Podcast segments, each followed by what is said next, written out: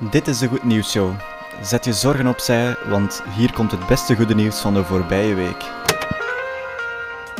Hey en welkom terug.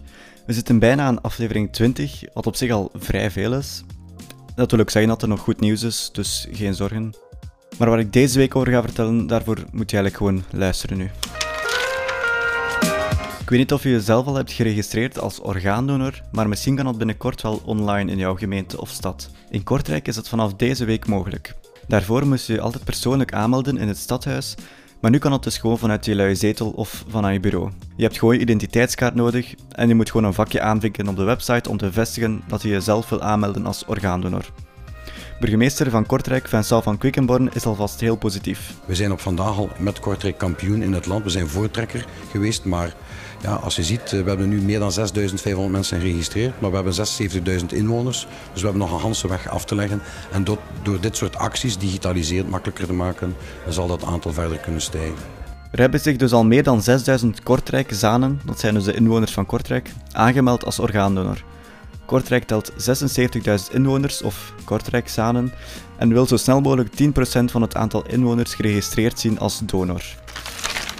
Coca-Cola gaat een energiedrank op de markt brengen. Zo gaat het de strijd aan met Red Bull en andere energiedrankproducenten. De energiedrankje zal de bekende smaak van de gewone Coca-Cola hebben en er zal een versie met en zonder suiker te koop zijn. Je moet even wel benadrukken dat het geen variant is van Coca-Cola, maar een afgeleide ervan.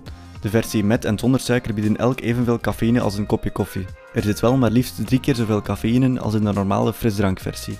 Het drankje is gericht op jongvolwassenen tussen 18 en 35 maar zal niet in de nabijheid van scholen worden verdeeld. Zeg je nu jezelf, ik wil dat zelf even proeven en zelf van genieten, dat kan dus bij ons vanaf de maand april. Ik heb geen idee of je het één programma Factcheckers deze week hebt gekeken. Dat is een programma met Brit van Marsenille, Jan van Loveren en Thomas van der Veken, waarin waarheid van nieuws wordt gecontroleerd. Deze week werd gecheckt of je met een fluo-hesje overal naar binnen kan. En dat werd ook getest in de Sint-Romboudstoren in Mechelen, en dat ging er als volgt aan toe.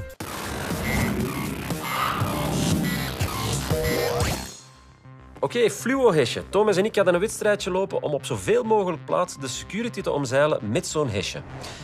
Afrika Museum, Plankendaal, geen enkel probleem, maar wij hadden grotere plannen.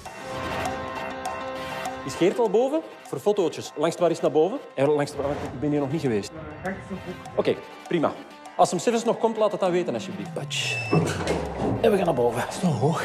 We zitten in de klokkenkamer. Kijk eens aan. We zijn aangekomen. Je hoort het, het is dus heel simpel. Dat heeft natuurlijk ook de aandacht getrokken. Daarom heeft de stad Mechelen besloten om iedereen in het weekend met een fluovestje gratis binnen te laten op de Sint-Rombadstoren.